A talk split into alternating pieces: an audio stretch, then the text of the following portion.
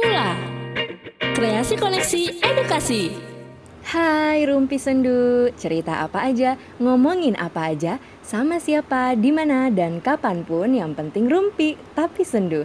Biar syahdu nggak kalah sama malam minggu. Apa pun itu, aku sayang kamu. Balik lagi sama Jihan Sueleh di sini bersama studio podcast ternyaman Bermula Studio. Udah lama banget nih aku nggak nggak rekaman podcast ya dan udah absen berapa lama tuh nggak update podcast juga. Hari ini aku akan bacain surat masih tentang kehilangan tapi ya lebih dalam lagi gitu ya karena yang hilang bukan sesuatu di luar diri kita tapi yang hilang adalah diri kita sendiri. Oke, langsung aja. Rumpi Sendu episode ke-42 Kehilangan Diri Sendiri. Surat pertama datang dari Guntur. Gini nih katanya. Aku pernah merasa seperti kehilangan diri sendiri. Rasanya seperti orang-orang di sekelilingku udah nyerah akan keberadaanku. Rasanya aku benar-benar pengen kabur.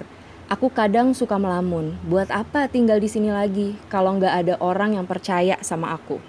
Tapi aku nggak terlalu mendalam. Biasanya hal-hal ini berkaitan dengan self love dan gimana kita nanggepinnya.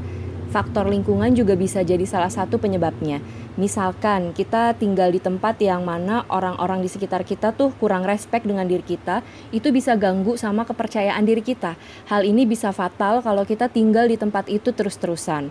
Orang kayak gitu bisa buat kita merasa sendiri dan sepi, bisa-bisa sampai juga kehilangan diri sendiri. Mereka juga bikin kita overthinking. Kita jadi terlalu khawatir sama hal-hal yang belum tentu terjadi membesar-besarkan hal yang sebenarnya sepele. Jadi turunlah rasa percaya pada diri sendiri, melamun gak karuan, otak panas, dan bisa-bisa juga kehilangan akal sehat. Kita jadi murung dan malah kehilangan diri kita sendiri. Awal mula aku ngerasa kehilangan diri sendiri dan mau kabur dari lingkunganku tuh karena aku selalu berbeda pendapat. Dan aku juga selalu berbeda dalam memandang suatu hal.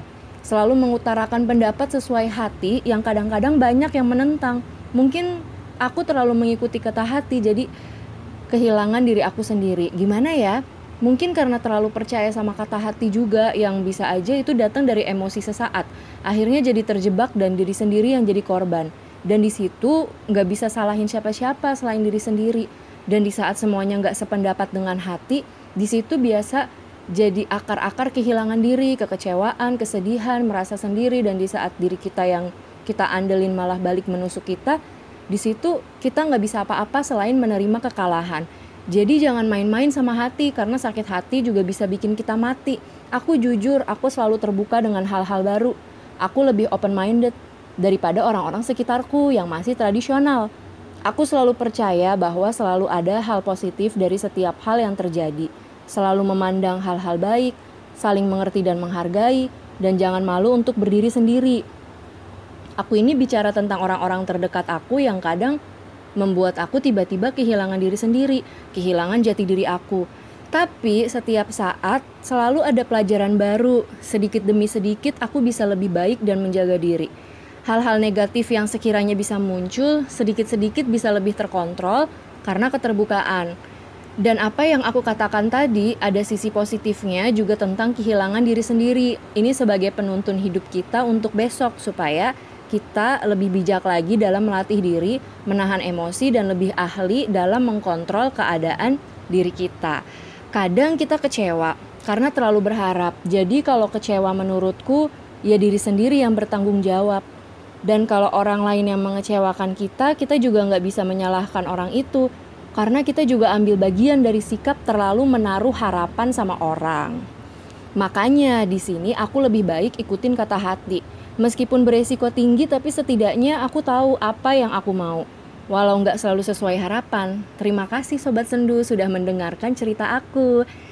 Oke, itu dia dari Guntur ceritanya. Makasih juga ya Guntur. Um, aku setuju sih sama apa yang udah dibilang sama Guntur. Pertama, lingkungan kita berpengaruh buat kita karena aku juga pernah ngerasain hal itu gitu bertahun-tahun bertahan di lingkungan yang wow ya. Terus aku juga nggak ngerti harus gimana gitu. Akhirnya pasrah dan kayak semuanya tuh jadi bom waktu gitu buat aku. Ketika udah memutuskan pergi rasa kehilangan diri sendiri itu justru semakin besar karena ya itu uh, udah terlalu lama di situasi yang seperti itu tanpa penyelesaian dan akunya malah memendam doang gitu. Lingkungan itu tuh penting banget gitu kan cari teman sebanyak-banyaknya supaya kita tuh juga berpeluang buat sakit hati atau kejebak dalam drama itu tuh juga sedikit gitu. Kalau dari pengalaman aku ikut volunteer itu udah paling the best banget sih karena uh, apa ya kayak uh, volunteer tuh emang bener-bener kita butuhkan dan kita inginkan gitu. Jadi kita tuh kayak bikin dunia gitu buat diri kita semacam investasi investasi kesehatan mental juga gitu yang aku rasain gitu ya. Terus yang kedua karena uh, mungkin gini kayak volunteer itu orang-orang ya niatnya untuk menjadi relawan gitu kan dan lingkungan yang mereka bentuk dan kita gitu kalau kita gabung di situ tuh akan positif gitu. Jadi kalau menurut aku gitu sepengalaman aku ya volunteer tuh udah the best banget gitu. Terus yang kedua Guntur bilang kan ada sisi positif dari kehilangan diri sendiri gitu kan.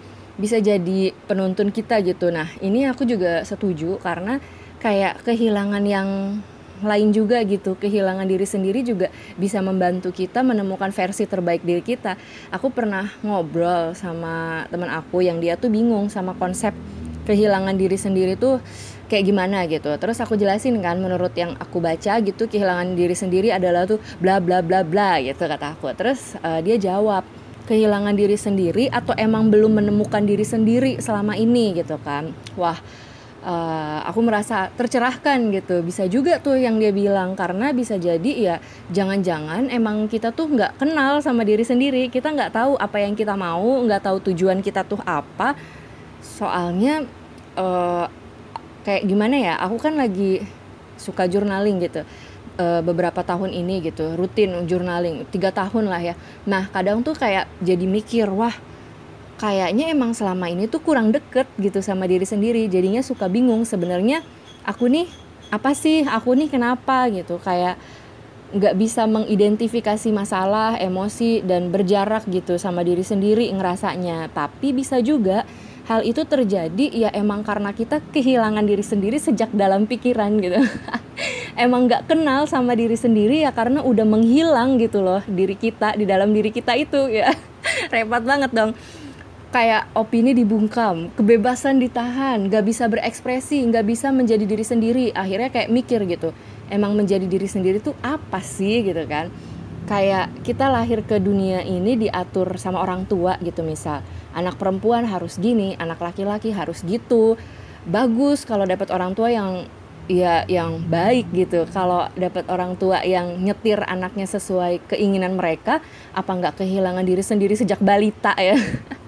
Dah lanjut bacain surat yang kedua. Eh btw hmm, si siapa nih? Si Guntur ini uh, sekarang rutin ya saya ngirim ngirim surat dan surat yang kedua ini juga uh, rutin juga ya ngirim surat gitu dari kemarin uh, si Erika datang dari kemarin tentang kehilangan. Sekarang dia datang lagi nih ceritanya tentang kehilangan diri sendiri gitu.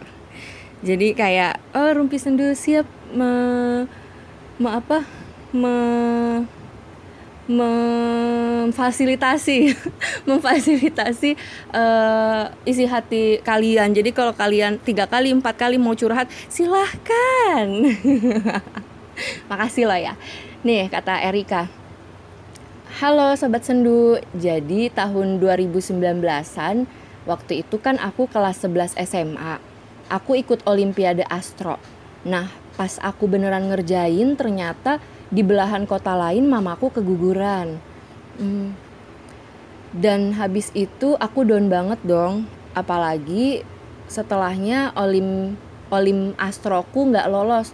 Terus habis itu aku ikut FLS 2N cipta puisi tapi nggak lolos juga.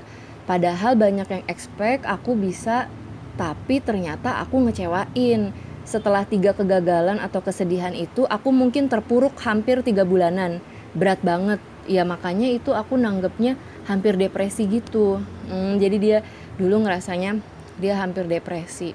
Oke terus lanjut ya Dan mau sedikit spill aja, bukan karena caper atau pengen dilirik dan sebagainya. Aku dulu pernah hampir depresi juga pas SMP, merasa nggak berharga dan sebagainya. Oh itu dijelasin tuh. Mungkin itu bisa masuk ke tahap kehilangan diri sendiri. Dan semoga cerita ini bisa bantu teman-teman kalau punya perasaan yang sama kayak aku. Jadi karena dulu pas SMP muka aku jerawatan dan aku gendut kan, jadi aku merasa kayak nggak pede gitu merasa kayak nggak ada apa-apanya nggak berharga dan sebagainya. Aku ngalir jalan gitu aja. Sampai suatu hari budeku tuh ngasih makanan ke aku. Beliau bilangnya ini ya buat Erika gitu. Ya aku terharu dong. Oh ternyata ada orang yang masih inget ya sama aku masih peduli ke aku. Dan di situlah inget juga kalau keluarga juga pastinya mendukung meskipun secara diam-diam ngedoain kita setelah sholat. Terus kan aku juga masih insecure kayak nggak bisa apa-apa nggak kayak temenku yang bisa gini bisa gitu bakatnya kelihatan dan sebagainya. Tapi aku kayak ngeremeh ngeremehin diri sendiri gitu. Ya gandengannya meras apa gandengan atau gandengan? Gandengan ya? Gandengannya merasa bukan apa-apa sampai ada temenku bilang Er aku pengen bisa kayak kamu yang bisa ini itu gini gitu. Ya aku auto merasa kayak oh ternyata hidupku yang menurutku nggak berharga ini dilirik juga ya sama temanku. Emang rumput tetangga lebih hijau sih pasti kita ngelihatnya dari yang terlihat aja kan. Padahal nggak semua hal yang terlihat tuh ada keadaan adalah keadaan sesungguhnya sorry. Karena nggak sering kesedihan masalah dan sebagainya juga diumbar atau dipublish nggak perulah banding-bandingin diri sendiri sama orang lain. Wow, terima kasih Erika berbagi cerita lagi sama Rumpis dan Dulu ya seperti yang sudah aku katakan dan jadi Erika ini dulu sempat ngerasa depresi gitu uh, waktu SMP. Nah seperti yang tadi dia ceritain uh, gimana dia lagi ikut Olimpiade dan mamanya keguguran terus habis itu di uh, apa dia itu jerawatan dan suka ya dibully lah gitu ya sama teman-temannya. Tapi ternyata dia nggak bahwa uh, rasa mindernya dia itu justru di mata orang lain ya dia kayak tetap diperhatiin gitu sama orang lain tetap ada yang peduli sama dia gitu. Hmm itu emang sering banget terjadi sih ya kayak di belahan bumi mana pun gitu kayak orang tuh suka ngebanding-bandingin diri sendiri dan orang lain gitu. Bukan ngebanding-bandingin diri sendiri dengan diri sendiri yang sebelumnya gitu kan. Melakukan perbandingan tuh kan sebenarnya bagus ya. Tapi kalau membanding-bandingkan itu kan udah negatif ya arahnya saya jadi kayak bener kata Erika nggak perlulah banding-bandingin diri sendiri sama orang lain atau banding-bandingin orang terdekat kita sama orang lain. Itu bisa jadi pemicu kita kehilangan diri sendiri juga karena kita jadi lebih fokus sama hal yang itu ketimbang fokus sama hal-hal baik di diri kita. Jadi kayak nggak bisa berkembang gitu kitanya. Erika tuh uh, setahu aku kan anaknya berprestasi kan ya di bidang akademik tuh. Nah Erika ini sering dapet uh, komentar negatif netizen juga gitu. Jadi uh, sempet uh, sempet cerita gitu. Jadi dia nih uh, anak berprestasi dan kayak kalau gimana ya wajar kan ya kalau misalkan kita berprestasi terus kita seneng gitu wah alhamdulillah gitu kan dapat uh, dapat prestasi lah gitu kan kitanya bangga gitu. Ya zaman sekarang kan ada sosmed ya otomatis kita nge nge-share itu gitu kan. Tapi mulut netizen kayak ngomongnya tuh negatif gitu. Jadi kayak emang ngapa sih kalau orang mempublikasikan prestasinya? Gitu. Kayak orang tuh heboh ya. Kan uh, prestasi yang kita share gitu ke media sosial kita gitu atau sekarang bisa kita share ke LinkedIn gitu itu kan uh, bisa buat portofolio. Di masa sekarang tuh kerjaan banyak datang ya dari jaringan gitu dari media sosial juga jadi kayak personal branding tuh penting gitu tapi masih ada aja gitu orang yang nyinyir sama orang yang mempublikasikan prestasinya nah uh, Erika ini suka dibilang sombong, tukang pamer gitu gara-gara posting prestasinya dia. Gimana ya? Orang baru menang olimpiade nih misal wajar kali kalau update. Alhamdulillah baru menang. Terima kasih orang tuaku yang telah membesarkanku. Terima kasih guru-guruku yang membantuku belajar. Terima kasih teman-temanku yang nyinyir nggak usah dianggap. Balak doang hidupnya gitu kan? Misal gitu. Lah ini malah dianggap sombong gitu. Tukang pamer kan kocak gitu. Orang gimana ya? Coba aja deh kalau misalkan uh, orang yang komplain itu dapat prestasi dikit aja pasti kan otomatis seneng. Dan sekarang cara mengekspresikan kegembiraan itu biasanya ya dengan nge-share di sosial media gitu nggak bisa dipungkiri. Karena kalau zaman dulu nggak ada sosial media otomatis kesenangan kita tuh kan kita share ke orang-orang terdekat gitu kan. Atau nggak di diary gitu. Kalau se introvert introvertnya gitu kan. Tapi kan paling kita berbagi pasti ke orang lain gitu kan orang-orang sekitar. Dan karena sekarang ada sosmed ya nge-share-nya ya ke sosmed gitu karena ya karena udah ada sosmed.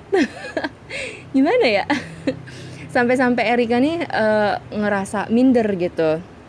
Jadi uh, cerita gitu kalau uh, buat berteman sama orang-orang itu dia minder karena takut nggak diterima siapa-siapa. Jadi kayak cibiran orang tuh apalagi orang yang dalam satu lingkungan itu tuh itu bisa bikin siapa pun jadi kehilangan makna atas dirinya sendiri gitu. Nggak tahu nilai dirinya seperti apa karena ketutup sama penilaian buruk orang lain gitu kan. Ya ngerti kan ya? Jadi kayak kita tuh sebenarnya kita udah misal nih kita udah mengenal diri kita oh oke okay, eh, ini batasan kita ini kita begini ini, ini kita begitu ini ono gitu. Terus habis itu uh, ternyata di lingkungan kita yang nggak mensupport kita gitu kita malah selalu dicap buruk. Lama-lama kita jadi nggak jadi kehilangan makna atas nilai diri kita gitu. Jadi kayak emangnya bener ya omongan si ini? Emangnya begini ya? Emangnya begitu ya? Lama-lama kalau kita emang nggak sadar gitu dengan nilai diri kita itu nggak kita tanamkan kuat-kuat ini loh begini loh kita gitu. Kita akan terombang ambing juga dengan perkataan-perkataan orang-orang di lingkungan kita itu gitu. Yang sampai akhirnya lama-lama kita ya kehilangan diri kita sendiri seperti itu. Sorry nih ya Erika kok aku jadi ngomongin orang di podcast ya?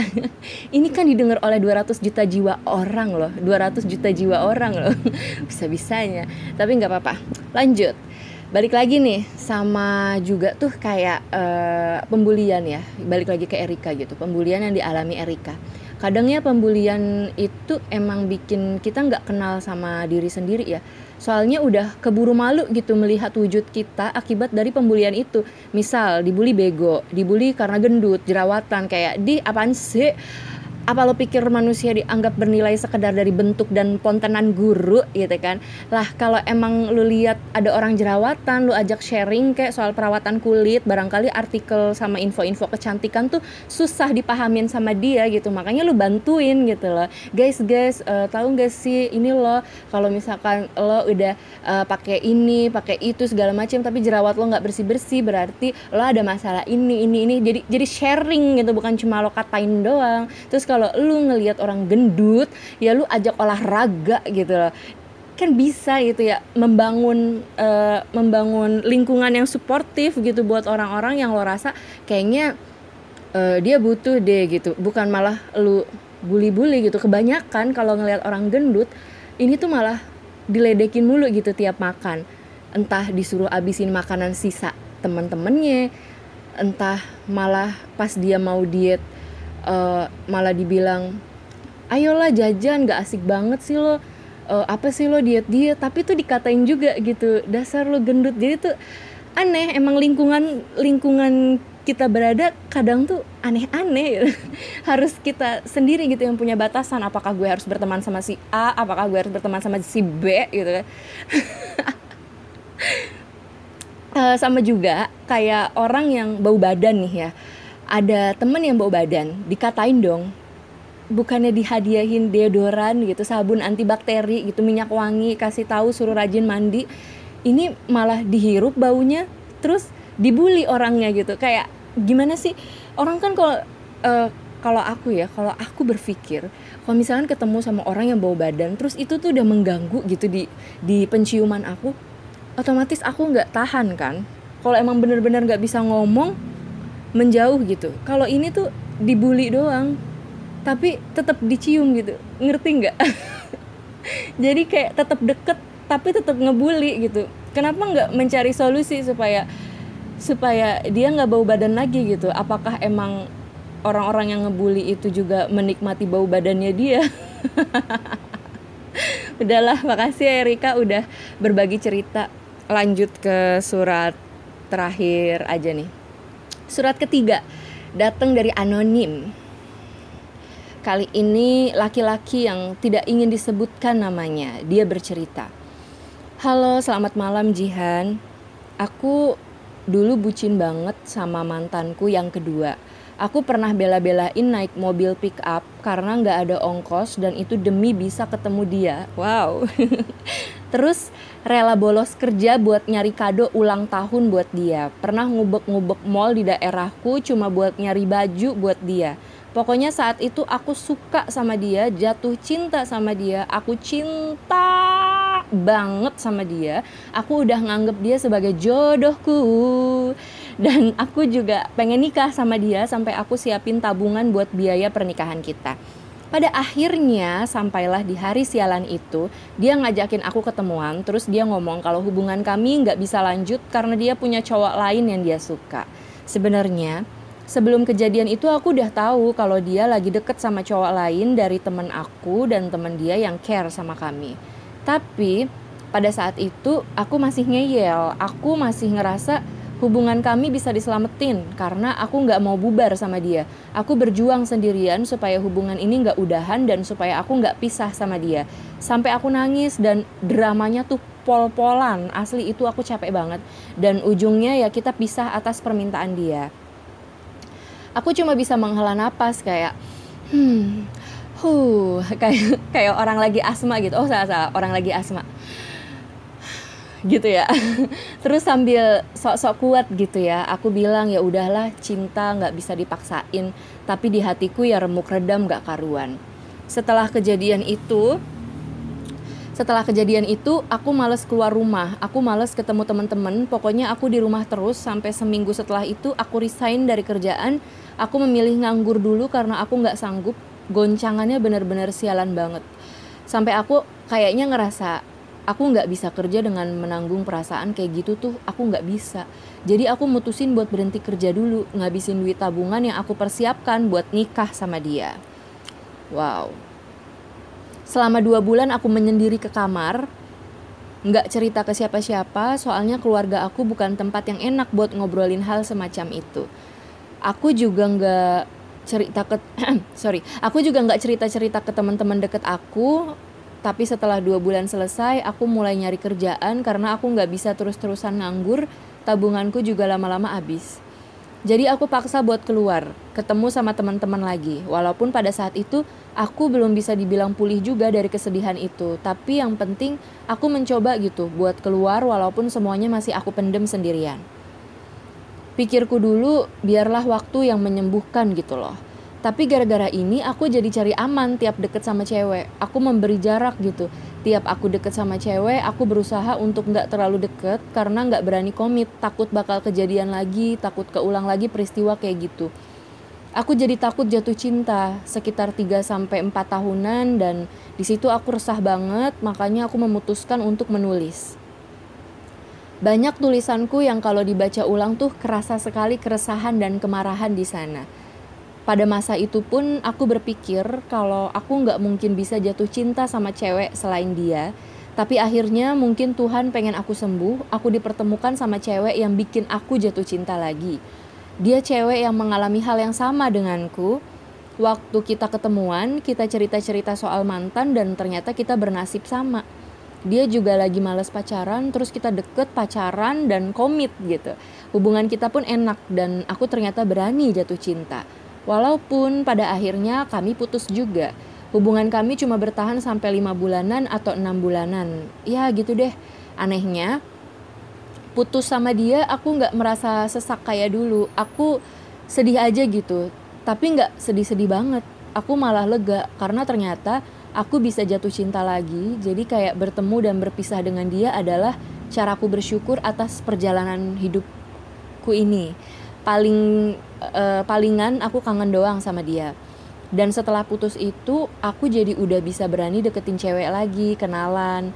Nah aku berpikir aku sekarang nggak terpuruk mungkin karena aku mencari bantuan ke teman-teman sharing sama yang patah hati yang ternyata lebih parah dariku. Jadi aku nggak nggak ngerasa apa nggak ngerasa sendirian. Ada banyak yang mengalami lebih parah dari aku dan mereka bisa bangkit. Terus aku juga nyari tips gimana caranya move on di YouTube gitu kayak olahraga, mengembangkan diri sendiri dan bermain bersama teman-teman. Dan emang sih kita tuh perlu banget uh, memperhatikan diri sendiri, fokus gitu sama diri kita karena kalau pacaran kan kita fokus banget ke pasangan, apa-apa ke pasangan, padahal diri sendiri yang lebih penting ketimbang pasangan. Kebanyakan juga kita pacaran sama orang kita jadi lupa sama diri kita, pengennya bahagiain pasangan terus, tapi mengorbankan diri sendiri demi kebahagiaan pasangan kita itu. Aku sadar itu nggak baik sih buat kita dan buat siapa pun. Aku mencoba berdamai dengan kehilangan yang aku terima. Aku nggak mau melupakan. Aku hanya mau fokus dengan perbaikan-perbaikan dan mencoba untuk terus berdamai dengan semua yang terjadi. Intinya nggak ngeyel jangan ngeyel gitu. Kebanyakan orang kan pengen mengubah sesuatu kayak aku tadi hubungannya udah nggak bisa diselamatin, jelas-jelas nggak bisa dilanjut, tapi aku masih ngeyel aja, ngerasa semuanya bakal baik-baik aja. Padahal kalau dia udah nggak mau ya sampai kapan juga nggak akan mau. Intinya jangan keras kepala lah. Kita nggak bisa mengubah pendapat orang lain, kita hanya bisa mengubah pendapat diri kita sendiri. Kita bisa ngasih saran ke orang, tapi kita nggak bisa mengubah dia kan Terus intinya jangan lupain kebahagiaan sendiri. Kebahagiaan pasangan itu penting, tapi kebahagiaan kita sendiri jauh lebih penting. Jangan sampai kebahagiaan salah satu pihak mencederai hubungan. Kalau kebahagiaan kamu punya pacar banyak, selingkuh, ya itu kan kebahagiaanmu bahaya dong. Iya benar. Setelah aku mengalami ini, aku merasa jauh lebih baik dan lebih sehat karena aku jadi rajin olahraga, mencari banyak teman, fokus sama diri sendiri, fokus sama hal-hal baik. Makasih ya udah dengerin cerita aku. Wah, keren ya ceritanya. Uh, kayak apa ya kegalauan seorang lelaki ketika diselingkuhin pacarnya dan ujungnya dia bisa menemukan dirinya lagi gitu dengan versi yang terbaru versi yang lebih baik kan lebih sehat gitu lebih lebih slow gitu lebih damai gitu kayak ya ya udahlah gitu ya sudahlah ketika mimpimu tak begitu indah tak pernah terwujud eh salah salah. Tahu deh. Salah lirik dong. Nah terus nih. Uh, jadi sang anonim ini sempat uh, ngerasa kalau dia tuh nggak kehilangan diri sendiri. Padahal kalau dari ceritanya dia udah kehilangan dirinya sendiri tuh sejak masih bersama sang mantan ya ketika kita udah nggak punya kehidupan karena terlalu fokus pada seseorang itu kita udah kehilangan diri kita sendiri. Macem-macem deh e, bentuk kehilangan diri sendiri itu gitu. Dari tiga surat yang aku bacain itu ya beberapa e, beberapa ciri itu ya mm, mereka kehilangan dirinya gitu. Tapi salut sama perjuangan teman-teman dari yang view sampai yang oke okay, baiklah ya. Uh, dan memperbaiki gitu supaya menciptakan kehidupan yang damai yang enggak drama-drama gitu bikin aus gitu kan. Kalian uh, bisa mengenali diri kalian gitu menemukan kepingan-kepingan baik yang akhirnya menjadi utuh sebagai diri kalian yang baru yang lebih kuat dan hebat gitu. Jadi kayak menerima apa-apa yang buruk menerima apa-apa yang baik dan uh, kalian bisa membuat sesuatu itu ya menjadi versi terbaik diri kalian gitu ya. In apa uh, istilahnya kayak gitu gitu. Gimana tadi si anonim yang terpuruk banget jadi mampu mengenali masalahnya, mengenali emosinya dan yang tadinya menolak jatuh cinta tiba-tiba oh bisa iya gue jatuh cinta lagi gitu. Dan poin tentang kita nggak bisa mengubah seseorang itu emang fakta banget gitu. Entah udah berapa ratus ribu jiwa manusia yang merasa sia-sia hanya karena berusaha keras mengubah orang lain yang ternyata orang itu berubah karena orang lain yang dia cintai. Dan padahal itu tuh bukan kamu kan gitu.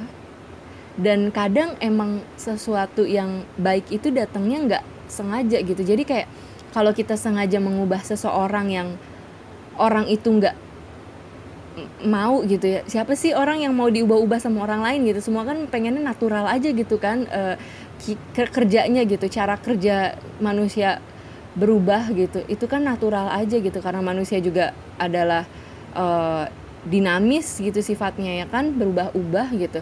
Jadi kayak kalau kita sengaja mengubah orang ya orang itu nggak natural bisa berubah gitu. Tapi kalau dia ketemu seseorang terus tiba-tiba dia berubah terus dia bilang aku berubah karena orang itu gitu. Ya itu natural gitu terjadi secara nggak sengaja karena ya emang dia berubah sebetulnya juga karena dirinya sendiri gitu. Cuman dia mencari mencari apa ya dinamainnya tuh uh, entah mencari alasan atau mencari objek atau mencari uh, segala sesuatu gitu yang dia sambung-sambungin karena dia lagi tertarik sama orang itu. Jadi dia bilang aku berubah karena orang itu gitu. Dan nanti kalau misalkan ada masalah sama orang itu bisa-bisa dia malah bilang aku udah berubah demi kamu bla bla bla bla. Padahal si orang itu nggak minta gitu. Ya karena dia nggak menanamkan uh, ke dirinya gitu. Kalau dia berubah ya untuk dirinya sendiri gitu. Nggak sampai keselak. Oke kayak gitu deh. Jadi kayak ya udah kita emang nggak bisa mengubah siapa pun gitu kita nggak bisa berubah demi orang lain nggak usah malah nggak usah berubah demi orang lain. Kita nggak usah mengubah orang lain juga gitu. Ya kan?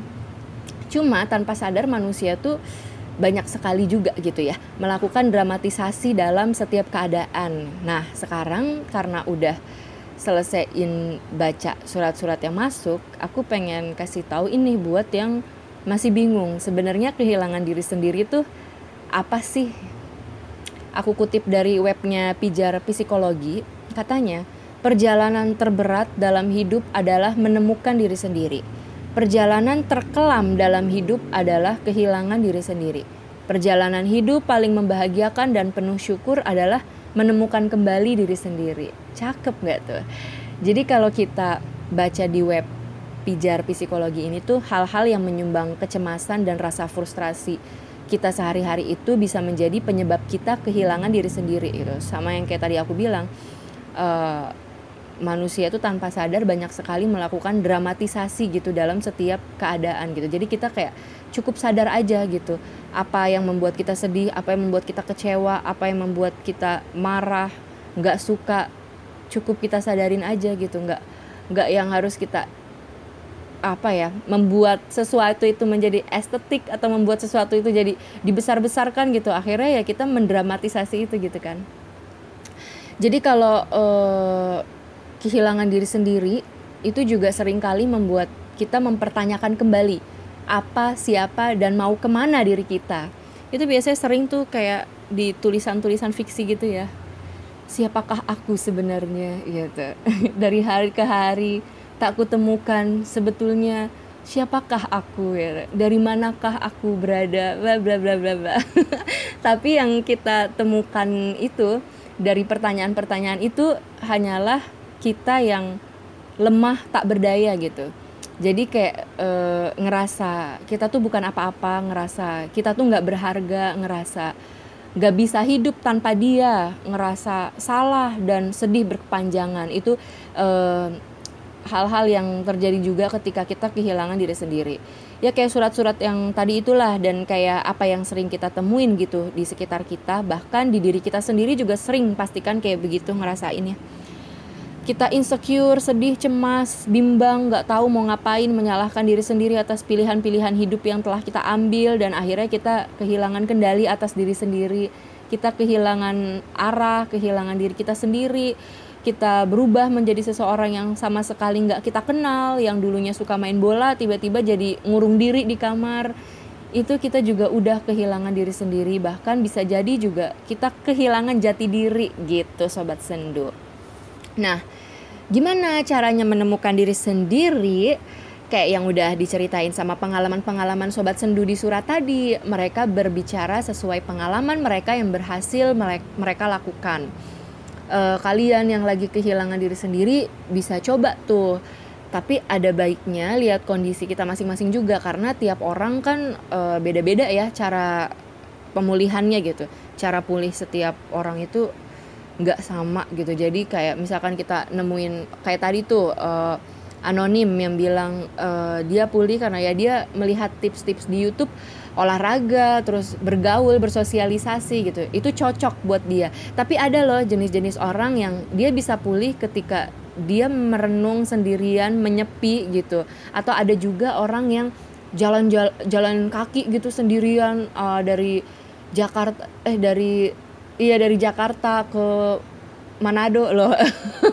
Dari pokoknya kayak jalan jauh atau dia setiap hari jalan kaki uh, selama berapa jam apa segala macem gitu. Tiap orang tuh pulihnya beda-beda gitu. Sesuaiin aja kita nyamannya kayak gimana dan kalau kita gagal misalkan satu kali nih oh oke okay, gue uh, cara pulih gue misalkan dengan menulis gitu. Ternyata gagal. Itu nggak nggak bekerja juga gitu. Gue nggak tetap nggak pulih juga gitu. Nah itu bisa kita ganti aja. Oh cara pulih yang lain apa ya? Oke jalan kaki. Oh ternyata gagal lagi. Oke bersosialisasi. Oh ternyata gagal lagi. Oke bantuin nenek-nenek yang kesusahan. Oh ternyata gagal lagi. Oke tidur beberapa hari dengerin musik. Ya pokoknya beda-beda lah. Tapi kalau bisa mendekatkan diri kepada hal-hal yang uh, positif dan menyehatkan. Jangan sampai mendekatkan diri untuk pulih malah justru mendekatkan diri sama hal-hal yang negatif gitu. Nah, bisa kita coba juga dengan penerimaan dan menentukan tujuan hidup kita. Itu dasarnya sih. Sisanya bisa dengan perbaiki pola hidup, cari lingkungan yang sehat, jauhi yang toksik-toksik, perbanyak pengalaman, olahraga, journaling kalau dari aku ya, terus ikut volunteer juga kalau dari aku. Jadi ya itu semuanya bisa kita coba, tapi intinya dengan penerimaan dan menentukan tujuan hidup kita itu akan membantu kita gitu.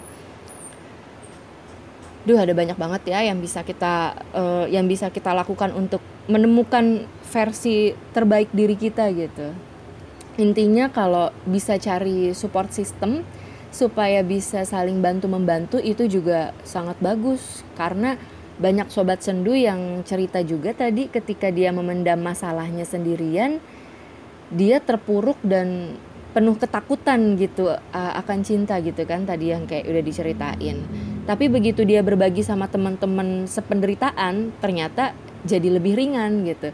Segala sesuatu yang diengkep diengkep sendirian gitu, emang suka nyusahin kita doang sih ya dibagi-bagi malah jadi lebih plong gitu. Tapi dibagi-baginya sama orang yang emang akan bisa menerima itu gitu kalau misalkan kita ngebaginya salah orang otomatis itu akan kembali menghancurkan kita sih jadi kayak pilih-pilih lingkungan itu sih itu yang benar-benar kayaknya kita butuhkan gitu Oke, sampai sini dulu. Iya, malam minggu selanjutnya kita udah ganti tema. Makasih banget buat sobat sendu semuanya yang masih dengerin aku nge-podcast sampai 42 episode ini dan selalu mau secara suka rela curhat-curhat sama aku di sini. Ya ampun ada suara blender dong. Semoga kita dipermudah ya untuk menemukan versi terbaik diri kita. Ingat jangan sibuk membahagiakan orang lain ketika dirimu bahkan tidak bisa berbahagia atas dirimu sendiri. Oke? Okay? kalian berharga, kalian tuh ah mantap. Jadi tolonglah sayangi ususmu baru usus orang lain. Semoga tetap dikelilingi dengan orang-orang yang sehat dan baik ya Sobat Sendu. Tetap jadi teman yang baik juga buat diri kita sendiri. Sampai ketemu lagi di Rumpi Sendu selanjutnya. Rumpi Sendu cerita apa aja, ngomongin apa aja Sama siapa, di mana dan kapan pun. Yang penting rumpi Tapi sendu, biar syahdu nggak kalah sama malam minggu. Apa pun itu, aku sayang kamu. Dadah! Mula Kreasi Koneksi Edukasi